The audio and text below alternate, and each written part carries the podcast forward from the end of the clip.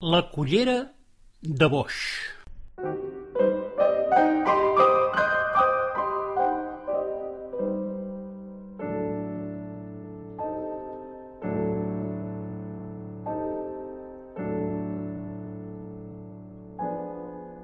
La piula era una nena menuda, menuda, com un clic. Vivia en un castell de joguina de cartró pedra molt desgavellat, abandonat a la lleixa d'un magatzem de joguines trencades. Mestre joguinaire tenia tantes joguines trencades que havia hagut de fer un magatzem als afores de la ciutat, prop del bosc, per guardar-les.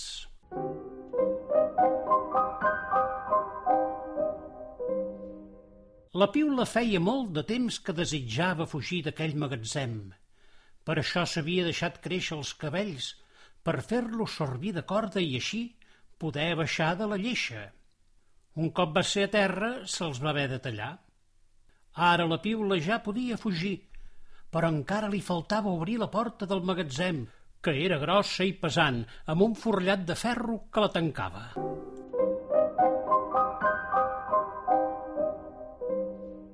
Per sort seva, va veure que a la part de baix de la porta n'hi havia una altra de més petita pel gat, que vigilava que les rates no roseguessin les joguines.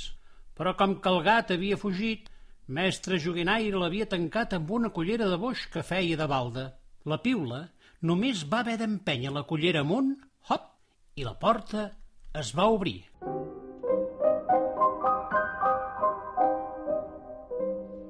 Quin paisatge més bonic! Era primavera i el bosc lluïa tots els colors imaginables. Com que la piula era valenta, no s'ho va pensar dues vegades, i agafant la cullera de boix com a record i carregant-se-la a l'espatlla, es van dinsar per entre els matolls i els arbres del bosc que li semblaven gegants de molts braços.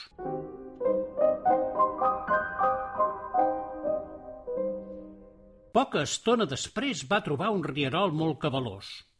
La piula no sabia nedar i per passar d'una riba a l'altra no hi havia cap passera. Pensa que pensaràs, es van pescar de fer servir la cullera de boix com a passera. Primer, d'una riba a una pedra, després d'una pedra a una altra pedra i en acabat d'aquella darrera pedra a l'altra riba. En un tres i no res, la piula va creuar el rierol.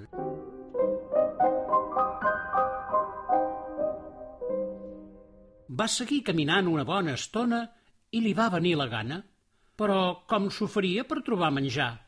De cop i volta va sentir uns umzets d'abelles que treballaven en el seu rusc. La piula els va demanar si li donarien una mica de mel per menjar. I tant que sí, va dir la reina de les abelles, però com t'ho faràs per agafar-la?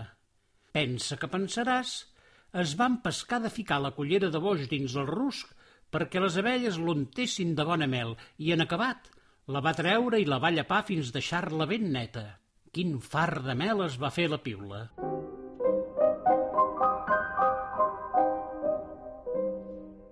Fent camí, fent camí, es van dinsar en un prat d'herba menuda que no s'acabava mai. De cop i volta es va posar a ploure. La primavera té aquestes coses. Ara fa bo i ara plou. Quina mala sort posar-se a ploure i no tenir cap arbre on aixoplugar-se, va dir la piula. Pensa que pensaràs, es van pescar de fer servir la cullera de boix com a paraigua.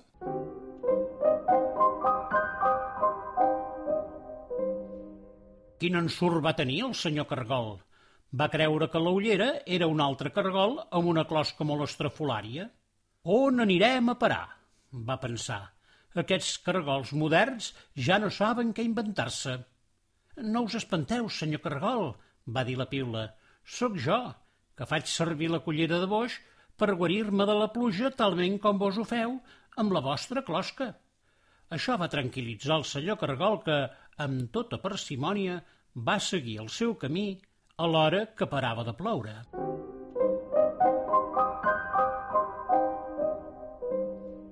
Començava a fosquejar i com que havia plogut, el terra era ben moll. Per un moment la piula va enyorar el seu llit del castell de joguina, però aviat li va passar, perquè pensa que pensaràs, es van pescar de fer servir la cullera de boix com a llit. De primer hi va posar un xic de palla eixuta i tot seguit s'hi va posar al damunt i es va tapar amb una mica més de palla. Quina meravella de llit! Com que havia estat un dia de moltes emocions, no va trigar a quedar-se ben adormida.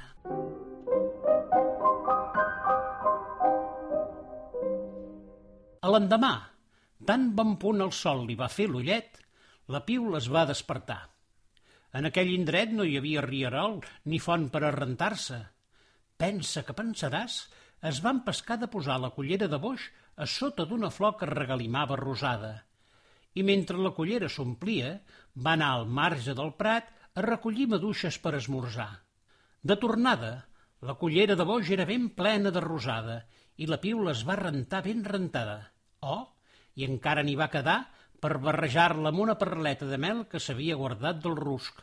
Amb aquell xarop tan dolç i les maduixes va fer un bon esmorzar.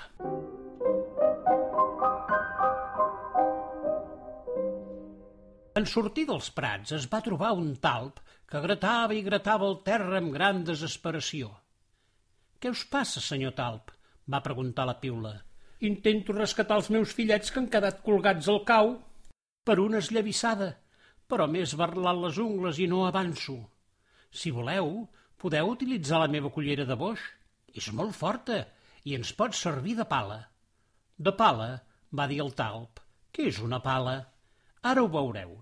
I tot d'una la piula es va posar a treure terra amb la cullera, així que en pocs minuts els caparrons dels petits talps van surar del cau esfondrat. I com has dit que es diu això? Pala? va preguntar el talp. No, això és una cullera de boix, que l'hem fet servir de pala, va respondre la piula. És una bona eina, aquesta, que me la donaries? Em sembla que no, perquè és un record i no me'n vull desprendre. Adeu, senyor talp. I la piula va marxar amb la cullera de boix a l'espatlla.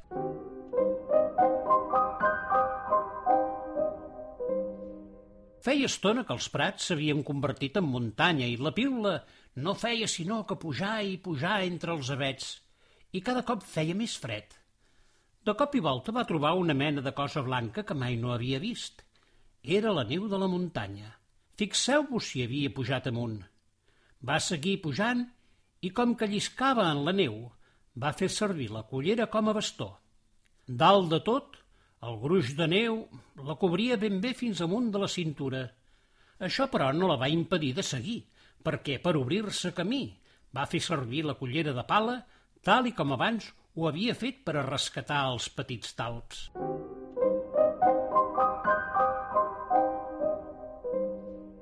La muntanya ja no pujava més i això volia dir que ara calia baixar. Però com s'ho faria? Hi havia un pendent molt fort i tot cobert de neu. Pensa que pensaràs, es van pescar de fer servir la cullera de trineu. Dit i fet, va lligar la seva bufanda al mànec de la cullera i es va enfilar agafant-se ben fort. Com lliscava per damunt la neu, la piula conduïa el trineu amb molta traça perquè, segons de quina banda de la bufanda tibava, la cullera anava cap a la dreta o cap a l'esquerra. Un isar va voler seguir-la, però la piula anava tan de pressa que no la va poder atrapar. Allò sí que era divertit. Però el pendent i la neu s'acabaven. Com s'ho faria per aturar la cullera trineu?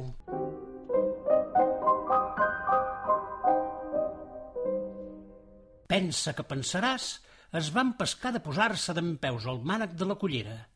Aleshores, com una rella, el mànec es va clavar a la neu i així, a poc a poc, la cullera trineu es va aturar just on començava un prat verd i ple de flors.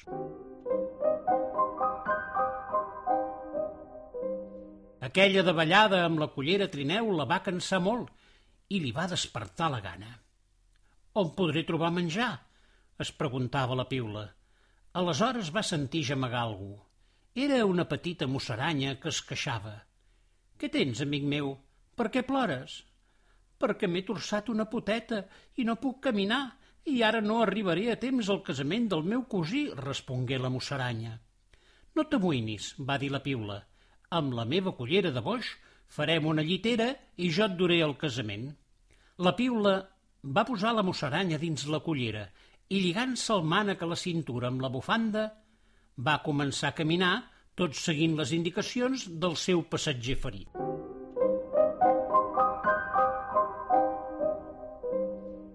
En arribar a lloc, el nuvi va agrair a la piula que hagués ajudat el seu cosí i la va convidar al banquet. Així que celebraren les noces i s'entaularen a menjar de tot i molt, com sol passar a les bodes. Després van ballar, però els més petits no s'ho passaven gens bé, perquè aquella música, deien, era per grans. La piula se'n va donar i pensa que pensaràs, es van pescar de fer un joc amb la seva cullera de boix. Va fer un forat a la punta del mànec, va passar-hi un branquilló. Va cercar una soca on hi va clavar el branquilló i tot seguit va fer giravoltar la cullera com si es tractés d'una atracció de fira. Els més menuts es van passar tota la tarda jugant amb la cullera que giravoltava.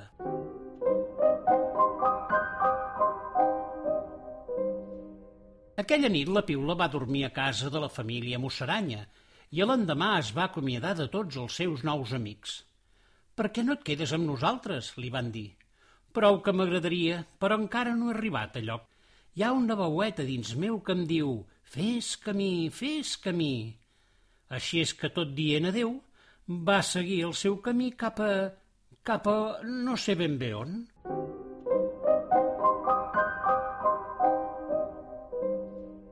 Poca estona després va trobar al costat d'un arbre un ou de merla que, del cert del cert, feia poc havia caigut del niu, perquè encara era ben calent. La piula va alçar la vista tot cridant «Que hi ha algú allí dalt?»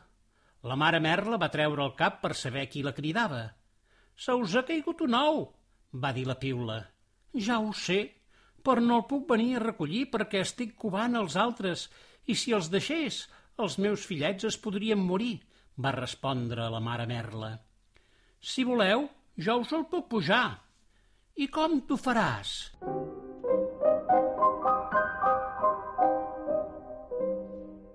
Pensa que pensaràs, la piula es va empescar de fer servir la cullera de boix com a catapulta.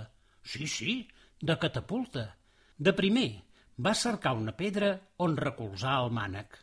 Després, va posar l'ou dins la cullera i enfilant-se en una de les branques de l'arbre on era el niu de la merla, es disposà a saltar sobre la punta del mànec perquè l'ou sortís disparat. Una catapulta, ni més ni menys. No estàs segura que l'ou anirà a parar al meu niu? va dir la mare Merla. Ho he calculat molt bé. Preparats? A la una, a les dues i a les tres.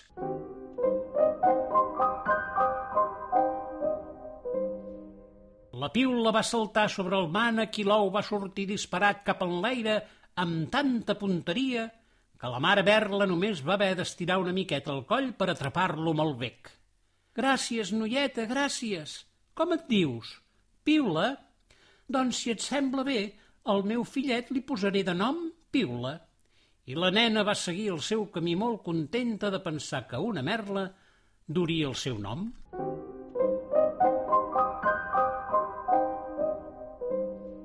A mida que la piula avançava, el bosc s'anava espessint més i més i cada cop era més difícil caminar. Una serp que passava per allí li va dir poc que podràs seguir per aquí. Jo, que sóc prima i llenegadissa, puc escolar-me per entre les branques, però tu et quedaràs atrapada enmig de les fulles del boix de grèvol que són punxants. I certament, davant seu s'aixecava una barrera de boix de grèvol molt florit i impossible de travessar. Doncs hauré d'empescar-me la manera de travessar la barrera, perquè el cor em diu que el meu camí s'acaba darrere d'aquests arbusts.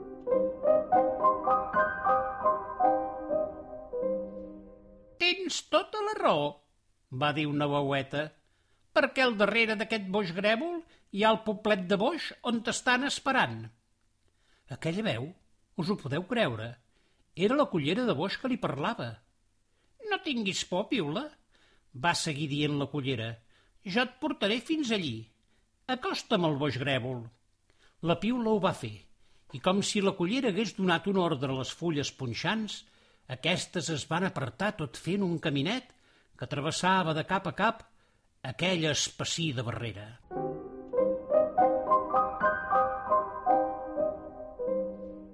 A l'altra banda, la Piula hi va trobar un bonic poblet on la gent l'esperava. Tot van ser festes i alegries, i heu de saber que en aquell poblet tothom duia una cullera de boja a l'espatlla que feien servir per a fer un munt de coses. Vaja, com la piula.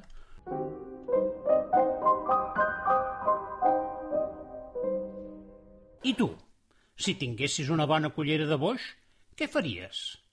T'ho imagines?